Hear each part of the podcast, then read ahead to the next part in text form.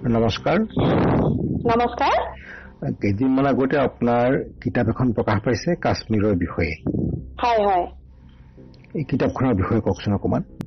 এইখন আপোনাৰ নামটো হৈছে তেজেৰে ধূসৰিত কাশ্মীৰ। কাশ্মীৰৰ ওপৰত যিমানখিনি ঘটনা ঘটি গৈছে তাৰ অলপ হলেও মানে সমল মই দিবলৈ আগবাঢ়িছো। তাতে যেনে ধৰক আপোনাৰ কাশ্মীৰৰ ঊনৈছশ সাতচল্লিশ চনৰ পৰা চনত কি হৈছিলে তাৰ আগতে ইংৰাজৰ দিনত কি হৈছিলে বা তাৰ আগত আগৰখিনিও মই অকণমান সন্নিৱিষ্ট কৰিছো যেনেকে কলহনৰ ৰাষ্ট্ৰসংগিনীত উল্লেখিত ৰজা মহাৰাজাৰ শাসনকালৰ পৰা। তাৰ পৰা কৰি আপোনাৰ গোটেইখিনি যেনেকে পি অ' কে কেনেকে হৈছিলে গিলগিট এজেঞ্চি কেনেকে হ'ল চি পি এছ চি কি আৰু ভাৰত পাকিস্তানৰ বিভিন্ন যুদ্ধসমূহ লগতে চীন আৰু ভাৰতৰ যুদ্ধ। আৰু লগতে সন্ত্ৰাসবাদী সন্ত্ৰাসবাদীয়ে কাশ্মীৰত যিদৰে সন্ত্ৰাসৰ সৃষ্টি কৰিছিলে তাৰ পিছত কি ধৰণৰ অভিপ্ৰায় আছিলে সেইখিনিও মই তাত উল্লেখ কৰিছো।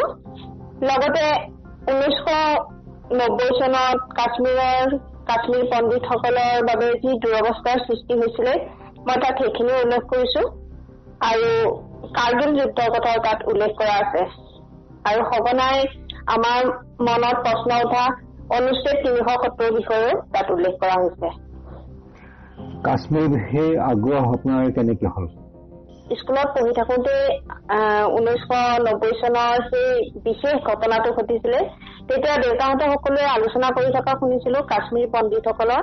সেই কথাটোৱে আচলতে মোৰ মনত বৰকে সাজ বহুৱাইছিলে। তাৰোপৰি যেতিয়া কলেজত পঢ়ি থাকো তেতিয়া ঊনৈছশ নিৰানব্বৈ চনৰ কাৰ্গিল যুদ্ধ নিচেই ওচৰৰ পৰা টিভিত মই প্ৰত্যক্ষ কৰিবলৈ পাইছিলো।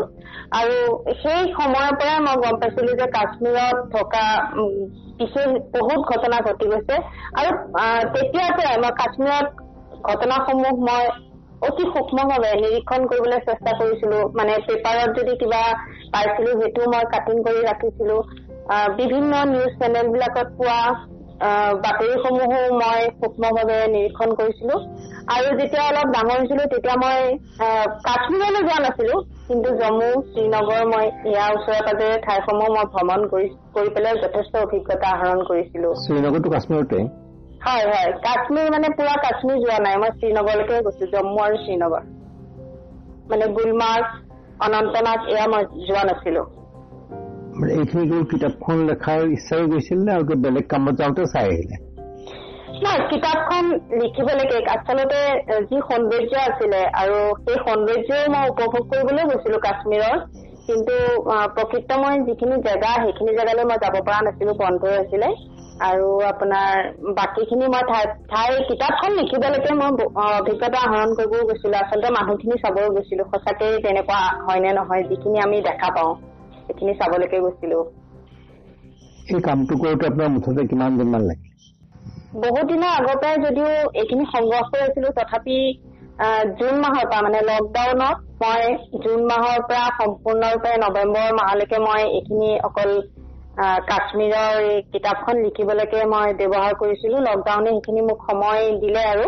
কিন্তু তাৰ পৰাই কিন্তু মই কাশ্মীৰ ধূসৰিত তেজেৰে ধূসৰিত কাশ্মীৰ লিখিবৰ কাৰণে মই যথেষ্ট সমল গোটাইছিলো যেনেকে কিতাপ পত্ৰই হওক পঢ়িছিলো যথেষ্টখিনি।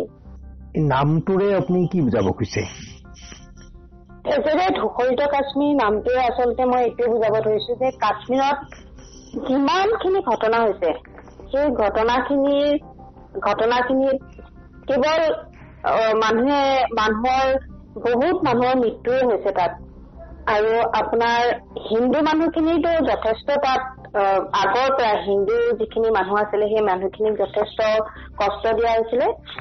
যেতিয়া আপোনাৰ মোগলসকল যেতিয়া মোগলসকলে যেতিয়া কাশ্মীৰ অধিকাৰ কৰিছিলে তাৰ পিছৰে পৰা ঔৰংজেবৰ দিনৰ পৰা যিখিনি হিন্দু মানুহ আছিলে হিন্দু মানুহখিনিৰ ওপৰত অত্যাচাৰ কৰি ধৰ্মান্তৰণ কৰিছিলে। আৰু তাত থকা যিখিনি হিন্দু মানুহ আছিলে সেইখিনি হিন্দু মানুহকে আচলতে কাশ্মীৰ পণ্ডিত বুলি কোৱা হয়। বিভিন্ন ধৰণে তেওঁলোকক অত্যাচাৰ কৰিছিলে। আমাৰ যিখিনি মঠ মন্দিৰ আছিলে সেইবিলাক ভাঙি চাৰখাৰ কৰিছিলে। তাৰ পিছৰে পৰা প্ৰায় ওঠৰশ ওঠৰশ চনত যেতিয়া আপোনাৰ ইংৰাজসকল যেতিয়া ভাৰতলৈ আহিছিলে ভাৰতৰ পিছত যেতিয়া কাশ্মীৰ তেওঁলোকে শিখসকলৰ হাতলৈ যেতিয়া গৈছিলে দুৰাণীসকলৰ পৰা শিখসকলৰ হাতলৈ যেতিয়া গৈছিলে মহাৰাজ ৰঞ্জিত সিংহৰ হাতলৈ গৈছিলে তাৰ পিছতে ৰঞ্জিত সিংহৰ হাতলৈ যোৱাৰ পিছতে যেতিয়া ডোগৰা ৰজাই যেতিয়া কাশ্মীৰখন নিজৰ হাতলৈ আনিছিলে ব্ৰিটিছৰ ফালৰ ব্ৰিটিছৰ পৰা কিনি লৈছিলে আচলতে সেই কিনি লোৱাৰ পিছত লাষ্ট শেষৰজন ৰজা আছিলে মহাৰাজ হৰি সিং। মহাৰাজ হৰি সিঙে যেতিয়া জম্মু কাশ্মীৰত আছিলে তেতিয়াই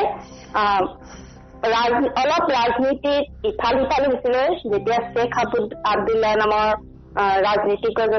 আহ, জম্মু কাশ্মীৰত প্ৰৱেশ ঘটিছিলে। আৰু সেই তেতিয়াৰ পৰাই কাশ্মীৰৰ যি উত্থান পথান হৈছিলে আগৰখিনি বাৰু মই কবলৈ যোৱা নাই কিন্তু তাৰ পিছৰ পৰা কাশ্মীৰৰ ৰাজনীতিত যি পৰিস্থিতিৰ সৃষ্টি হৈছিলে সেই পৰিস্থিতি আজি আজি চলিত বছৰলৈকে সেই পৰিস্থিতি চলিয়ে আহিছে।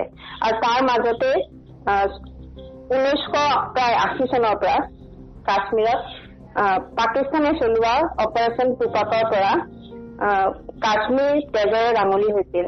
আৰু সেই অকল তেতিয়াই নহয় কেৱল তেতিয়াই নহয় ঊনৈছশ সাতচল্লিশ আঠচল্লিশ চনৰ পৰাই কাশ্মীৰ তেজেৰে ৰাঙলী হৈছিল।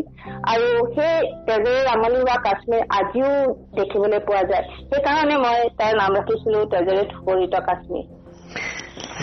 অভিধান মতে ধূসৰ শব্দটোৰ অৰ্থ হ'ল ছাই বৰণ ছাই বৰণীয়া হয়।